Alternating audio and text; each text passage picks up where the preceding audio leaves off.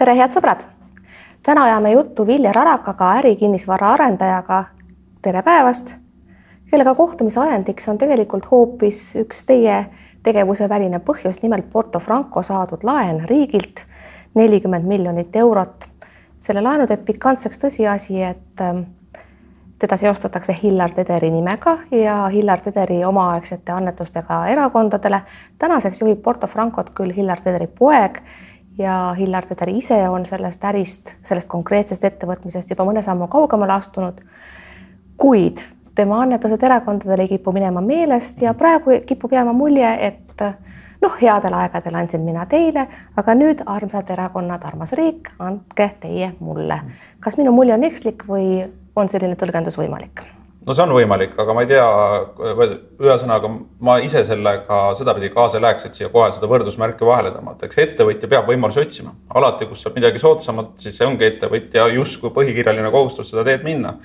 ja see ja selles suhtes ma ei, ma ei süüdista üldse nagu ettevõtjaid, kes otsivad võimalusi ennast odavamalt finantseerida, me tegeleme sellega ka ju ise ju iga, iga päev. pigem on küsimus riigi poolel, et miks niisugune laen nagu antakse, et aga miks riik annab? see on hea küsimuse püstitus, miks ta andis? ei tea, aus vastus on, et, et ei tea, aga tahaks teada, et äh, kui Tallinkile anti laen, siis seda võis tõesti mõista, et tegemist on ettevõtte, Eesti jaoks väga strateegilise ettevõttega, kelle äri katkes sisuliselt üleöö nendest endast mittesõltuvatel põhjustel. Alexelat võib ju veel mõista, et Ida-Virumaa arvestades etilist koosseisu ja kõike, kõike, mis põlevkivitööstuse ümber täna käib, äh, aga no ütleme, Porto Franco koha pealt, et tõsi on see, et ma alguses, kui see kunagi uudis tuli, ma arvasin, et seda kindlasti ei juhtu, et see tundus esimese hetkena lihtsalt sedavõrd nagu võimatu. ja see on kinnisvararingkonnad ajanud nagu tagajalgadele, et inimestel on hari punane ja mitte sellel põhjusel, et keegi nüüd sai midagi odavamalt ja, ja, ja meie teised jäime ilma, pigem on see, et me tahaks nagu võrdset mänguväljakut. et kui riik otsustab eh, koroona ajal anda ettevõtetele laenu, jumala eest, eh, kui on selline poliitiline tahe ja otsus eh, valitsuse poolt, siis seda võib ju nagu mõista aga defineeriks siis kriteeriumid, et täna need kriteeriumid on nagu nii ümmargused, et sinna alla võib panna mida iganes ja sealt ära võtta mida, mida iganes. ja teine asi, kui ka laenu antakse, siis laenu võiks anda turutingimustel. et äh, nii Tallink kui Alexela kui Porto Franco saavad täpselt kahe protsendiga, seda vähemalt see valitsuse otsus, mis meile on kommunikeeritud, seda ütleb. Teie hinnangul viis korda odavamalt, kui turult saaks? no vähemalt, et ma arvan, et äh, mida ma tahan lihtsalt öelda, et kõikide nende ettevõtete riskiprofiil, tagatiste profiil on kardinaalselt erinev, see raha hind ei saa olla lihtsalt üks üks üks ja sama, eks. et jah, et arvestades, et tegemist on poolelioleva kinnisvaraarendusega arvestades seda, et seal on kõikvõimalikud valmimisriskid, väljaüürimisriskid, käik, hoone käikuandmisriskid, mida me ise ka iga päev teame ja tegeleme nende küsimustega teistes projektides, eks. siis äh, seal on eespool veel Luminori ja EBRD laen, mis tähendab seda, et tegemist on pigem niisuguse allutatud kohustusega, mille intressimäär jah, peaks olema kahekohaline, et noh, ma ei tea, spekuleerime siis, et see on, oleks kümme, kuigi arvata võib, et koroona ajal peaks isegi veel kõrgem olema. aga vaatame nüüd äh, teie väiteid niimoodi ühekaupa. Mm.. Te viitasite ise ka, et ettevõtjale ei saa ette heita seda, kui ta kasutab meetmed, mis riik on välja töötanud noh, samas võiksin ju mina küsida, et aga miks teie, Viljar Arakas, siis ei lähe ka riigi poole küsima, no näiteks Urmas Sõõrumaa, mõjukas ettevõtja, kes on ka erakondadele palju annetanud ja kes arendab Patarei merekindlust, ütles, tema läheb kindlasti.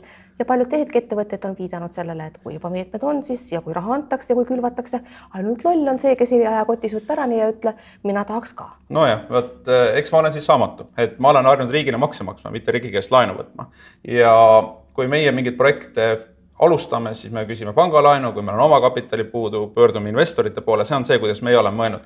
ja ma tegelikult ei heida nagu riigile ette, et kui ta tahab raskel ajal ettevõtlusele appi tulla, aga ma lihtsalt heidan ette seda läbipaistmatust ja seda raha vale hinnastamist, mis tekitab küsimusi ja see tekitab tegelikult küsimuse, kas ei ole tegemist nagu äh, kõlvatu konkurentsi loomise või siis ebaseadusliku riigi abiga, mida kindlasti oskavad juristid paremini minust kommenteerida, et, et, et kui see intressivahe tõesti nagu nii su suur on, siis see tekitab ju täna küsimusi inimestes, kes noh, kaheprotsendise marginaaliga ei saa, ei saa täna Eestis ka kodulaenu. ma meenutaks ikkagi seda Tederi tausta, et äh, on ju, need numbrid on juba ette toodud, kui palju ta on toetanud Isamaad, kui palju Keskerakonda, varem kui Reform oli võimul, siis Reform sai kõige rohkem, viimase viie aasta lõikes on kõige rohkem raha saanud Isamaa. aga on ka teine aspekt, suhe Keskerakonnaga. Hillar Teder nimelt on ju äh, oportuniteedi menetlusega pääsenud siis äh, kohtuasjast, tunnistades tegelikult, et äh, et et ta ikkagi sooviski Tallinna linnavalitsuselt saada soodsamaid tingimusi ja on öelnud ka sellise lause, meil oli nii usalduslik suhe, miks siis mitte aidata, kui võimalus on. see käis Pettaja kohta, kes oli osaline nendes korruptiivsetes skeemides, mille pärast praegugi veel käiakse kohut. Hillar Teder ise kohtu alt pääses, kuid see on samamoodi see taust peale erakondade rahastamise, mida siinkohal tegelikult ikkagi päriselt silmis lasta ei saa või noh, ma küsiks niimoodi, kui see pole korruptsioon mis see siis, mis siis on? ma saan aru, seda on, mis on nagu tore iseenesest, et erakondadele tehtud annetused on avalikud, et me teame seda infot ja me saame seda nagu igaüks siis ise mõelda, kaaluda, aga mina ei tahaks nagu seda teed nagu minna ja seda lihtsalt põhjusel, et ma ei tea. Ja ma pean alati kaasa ettevõtjatest lugu. Äh, mina igapäevategevuses tahan töötada oma ettevõtte heaks, mitte teiste ettevõtete vastu ja sellest tulenevalt üks asi, mida ma lihtsalt riigi käest tahaks, oleks võrdne mänguplats ja võrdne mänguväljak on ju, et, et praegusel hetkel eh, justkui jääb mulje, et selle koroonaepideemia varjus on võimalik eh, ükskõik missuguseid otsuseid eh, valitsuses nagu kätte saada. Ja kui Vabariigi Valitsus hakkab etendama nii-öelda panga krediidikomitee rolli, siis ma arvan, et see ei ole hea praktika tahtmata midagi halvasti öelda Vabariigi Valitsuse liikmete kohta, lihtsalt panga krediidikomiteed töötavad natuke teistel alustel, eks, et ja, ja lihtsalt see paratamatult tekitab küsimuse ettevõtte või nii-öelda otsuste selektiivsuses, kellele antakse, kellele ei anta ja mis, mis põhjusel antakse, et see, see on tegelikult kõik see, mida me ei tea tuleb, mulle tuleb meelde veel üks selline tausta, tausta kuuluv asjaolu, nimelt Kaimar Karu lahkumine, tema asemele asus Raul Siem, kes ongi siis nüüd olnud see kõneisik, kes KredExiga seotud asju vahendab avalikkusele. tagantjärele oleks põhjust küsida, kas sedasorti rahaeraldised võisidki olla põhjus et, et need saaksid võimalikuks Kaimar Karu minema Siem asemele? ei tea, kas see päris nii on, sest äh, mis mind nagu isiklikult nördima pani, oli majandus- ja kommunikatsiooniministri Taavi Aasa kommentaar ERR-ile, et äh, see otsus tehti kabinetis konsensuslikult ja ilma pikema aruteluta. et noh, kui ilma pikema aruteluta antakse välja nii suur äh, summa laenu, seda ka soodsatel tingimustel, jah, laen tuleb tagasi maksta, see on kõik arusaadav. Ja tegelikult võib ju ka poliitiliselt mõista, et kui Vabariigi Valitsuse soov on see, et Tallinna merevärav, mis on meil olnud juba terve inimpõlve varsti peale taasiseseisvumist ikka väga käest ära, et saaks korda. ma no ütleme, kui see on poliitiline tahe, see on poliitiline otsus, me võime sellega nõustuda, mitte nõustuda, aga me peame seda aktsepteerima, et et kui koalitsioon tahab seda teha, siis tehku, siis noh, minu küsimus on sellest, et miks me siis, miks siis vaadatakse mööda linnahallist on ju, mis on nagu kõige suurem mure seal, eks, et, et. no linna, linnahalli asjus tegelikult saavutas ju kokkuleppe Ain Hanschmidt, kelle kelle Infortari kaudu juh, omanduses olev Tallink on samamoodi saanud saja miljoni euro ulatuses riigi tuge. Hans Schmidti suhted riigiga ei ole ka mingi saladus ja me mäletame kindlasti neid pilte koos Mihhail Kõlvartiga, kui see kokkulepe linnahalli asjus sündis, ehk siis jällegi head suhted äh, poliitikutega. samas ma ei oleks, äh, jah, ma saan aru, et seda on võimalik nii tõlgendada, minu tõlgendus on natuke teistmoodi, et äh, värske linnapea, no enam küll nii, mitte nii värske, aga, aga Kõlvart tahtis selle probleemi leida, leida lahenduse ja see, et teha koostööd Tallinkiga Äh, antud küsimuses on nagu linna seisukohast minust väga-väga mõistlik ja õige samm. see tehti ka ennem äh, koroonaaega ja loomulikult ega Eesti on nagu selles suhtes niivõrd väike riik, et kõik tunnevad nagunii kõiki, et selles suhtes neid, neid seoseid ma, ma ei, ma ei tähtsustaks nagu niivõrd palju nagu üle. aga mäletame Tallinki Bolti vastasseisu, Tallink sai, Bolt ei saanud jah, see, see on, ma arvan, selline eepiline vastasseis, äh, vana majandus versus uus majandus, mis kütab väga palju kirge, eks, et aga, aga siiski jah küll ka noh, Tallinki näide on selles suhtes hea, Tallinkile tegelikult oli ka vabalt turul raha olemas, maksumaksja justkui ei oleks pidanud äh, appi minema. tõsi, need tingimused, mis pakuti, oli nagu Eesti ärikultuuris sellised, mida pole harjutud nägema. aga kes jälgib äh, rahvusvahelist finantsmeediat, siis nagu ma loen iga päev mingeid analoogseid uudiseid, kus sellised ülevõtmised või laenud no tähendab, see ei olnud ülevõtmine, aga ütleme äh, sellistel tingimustel antakse raskustes olevas ettevõtte laenu. tõsi, see raskus ei olnud tekitatud ettevõtte enda tegevusest, vaat tänu nii-öelda epideemiale ja seal valitsus appi läks, sellest ma saan nagu isiklikult nagu aru, aga. aga ma aga... ütlen kuulajale, võib-olla ta ei mäleta, et jutt käib ilmselt siis LHV pakutud tingimustest ja, ja sellest, kuidas Rain Lõhmus väidetavasti siis tahtis Hans Schmidtile külma teha.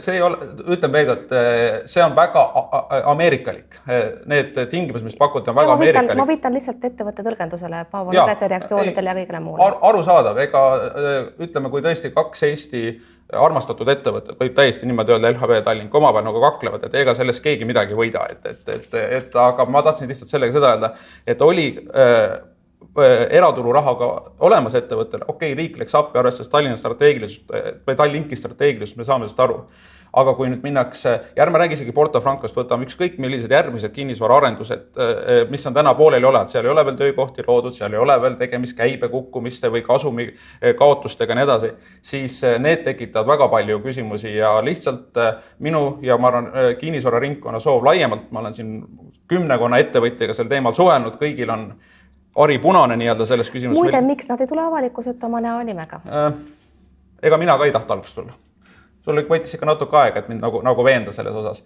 Ja, ja tegelikult noh, ega, ega see ei ole lihtne otsus, lihtsam ongi nagu vaikida, aga me tegelikult me ei taha nagu vaadata pead ka lihtsalt seda, kui valitsustele lähedal seisvad äh, nii-öelda justkui ettevõtjad või siis mitte saavad soodustingimustel mingeid laenu, mida teistele ei väljastata. et tehku siis nagu näiteks KredExil on ju väga hea kogemus kortermajade renoveerimisega, noortepere laenude tagamisega, et kus on kõik läbipaistev, selge, arusaadav. me tahaks lihtsalt seda läbipaistvust ja rohkem, rohkem ei tahaks midagi. arusaadav, et teie enda asjus oleks kõik selge, tuletame meelde, et tegelikult olete teiegi annetanud erakondadele, Reformierakonnale. see oli küll võrdlemisi ammu mm., aga ja summad vist ei olnud ka nii kohutavalt suured mäletate, kui palju täpselt oli?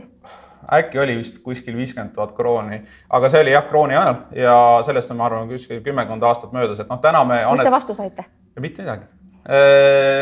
Mul on Reformierakonnas palju sõpru, oli siis ja on, on, on seda täna, aga noh, ma olen erakondadele pole enam edasi, edaspidi annetanud, kuna me kõik teeme seda läbi riigieelarve. tegelikult seda, et erakondasid rahastatakse läbi riigieelarve, on minu arust väga-väga mõistlik Äh, ma olen hiljuti küll kaalunud, äkki peaks rahastama mõnda uut poliitilist äh, nii-öelda algatust, mis ei saa, mis ei saa toetust riigieelarve kaudu, ma ei ole sinna veel väga, väga jõudnud, aga, aga selles suhtes ma ei, jah, ütleme, et, et, et, et, et erakonnad saavad riigieelarvest raha, ma pean seda nagu tegelikult väga positiivseks.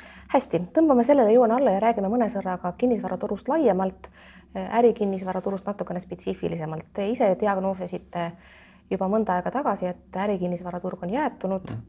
ja te olite ka üks esimesi, kes äh, kandis suurt kahju, ballast pidi koondama äh, ja jäi, jäi mhm. tühjaks. Radisson läks nüüd remonti, sellepärast et äh, ei, ei jagu sinna kliente.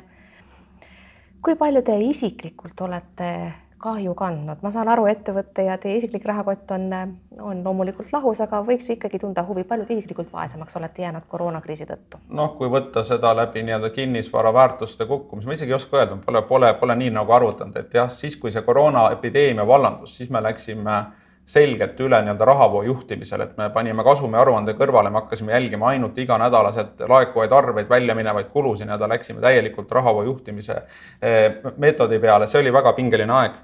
Meil on üle tuhande kahesaja üürniku Balti riikides, äkki kõigil oli vaja üürialandust, eh, paljudel enamikul eh, põhjusega, ka osadel, kellel, kes lihtsalt tulid nagu seda küsima, see oli hästi pingeline aeg kogu meie meeskonnale, me tulime sellest nagu läbi täna, kui me vaatame, siis on enamikus on kaubanduses, no mis on võib-olla kõige parem indikaator, et noh, büroo pindades jah, vahepeal kontoris ei käidud, aga see ei tähenda, et büroo nii-öelda üüripinnad tagasi anti, et lepiti mingid üürialandused kokku ja nii edasi kaubanduskeskustes ma võiks öelda niimoodi, kui meil on Eesti, Läti, Leedu peale kokku vaadates neid trende, siis eh, juulis ollakse sisuliselt eelmise aasta tasanditel tagasi külastatavuse ja ka käivete osas. no võib-olla on mingi viis-kümme protsenti veel eelmisest aastast puudu, aga ollakse nagu tagasi, nüüd me, eks me murelikult vaatame, mida sügis toob, järjest ikkagi kahjuks Euroopas hakkab see koroona teine laine või, või ei oska nimetada, kas teine laine või jälle uued nii-öelda äh, uued puhangud nagu kerkima ja eks see tekitab nagu ebakindlust sügise osas, aga me oleme olnud hästi konservatiivsed oma finantseeringut, et küll me saame nagu hakkama, aga. siiski võttis Ehten vastu oma ajaloo esimese kahjumi, mis oli siis äh, viimases kvartalis umbes sama suur kui kui aasta sama perioodi kasum. ja see, ja see oli ainult ühel põhjusel, et äh, kinnisvara hindajad hindasid meie äh, bilansis olevat äh, vara väärtust alla. see, see ei ole rahavooline, see ei, see ei tähenda, et meil nii-öelda see kahjumi number, mis meil nii-öelda oli, et, et see oleks meil nagu nii-öelda välja läinud raha, et tegelikult rahavooliselt olime me väga tugevas seisus ka teises kvartalis, et me saime pöörduda pankade poole, saime sealt maksepuhkuseid, saime selle kaudu anda üürnikele üüri alahind- või allahindlust, et tegelikult äh, rahavooliselt meil läks igati, igati ilusti, aga jah, et kinnisvara väärtus on, on fakt, et ta on langenud, me ei tea tegelikult, kui palju selle kohta ma oleksingi tahtnud pärida, sest see on tegelikult asi, mis huvitab ju ka inimesi, kellel võib-olla on üks või kaks korterit, näiteks üürivad ühte välja, teises elavad.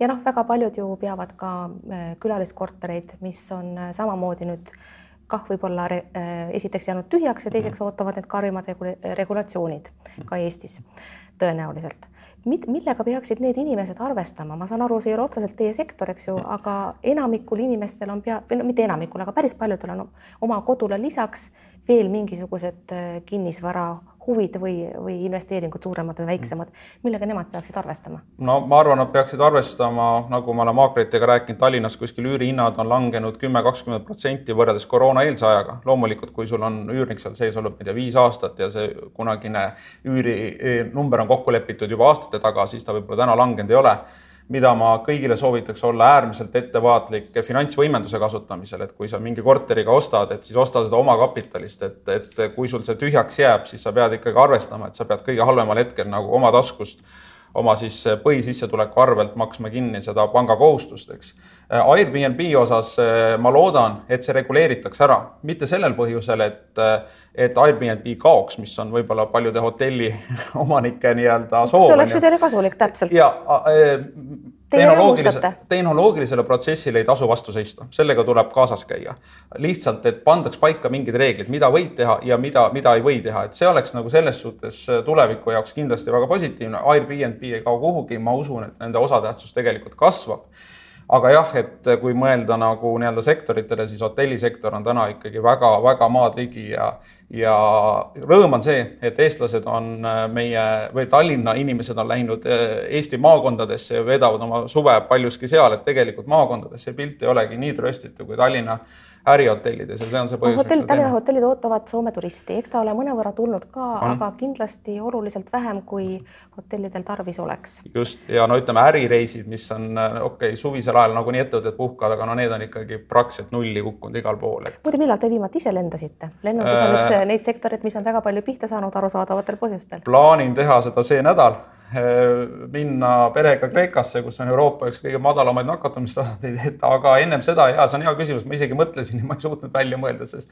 sest eh, see kindlasti oli aasta algus, aga kas see oli Riia, Riiga või, või Vilniusesse, et aga, aga piisavalt palju aega mõeldes, et ei mäletagi enam, eh, kuidas see lendamine välja nägi. no aga kui te nüüd saate perega Kreekasse, võib ju juhtuda, et teemid jälle muutuvad ja te ei saa tagasi. see risk valitseb alati, jah. olete sellega arvestanud? no kas nüüd arvestanud, aga ma teadvustan seda endale, jah no Eestis on äh, seoses äh, Covid viiruse levikuga ka toimunud selline no viimati sattusid kas kaks sellist uudist kõrvuti, selle Tartu Covid joodi suvetuur ja tema, tema nakata-, tema poolt nakatanute, nakatunute arv mm. ja siis ka ööklubide äh, vabastamine karmide piirangute all, mille all nad siis olid äganud mm. pikemat aega. noh, päris paljud panid seda pahaks, tegelikult on aga ilmselt olemas mingisugune mõistlik tasakaal üksikisiku vabaduse ja ettevõtlusvabaduse ja piirangute vahel, mida tervisest tulenevalt valitsusel tuleb kehtestada.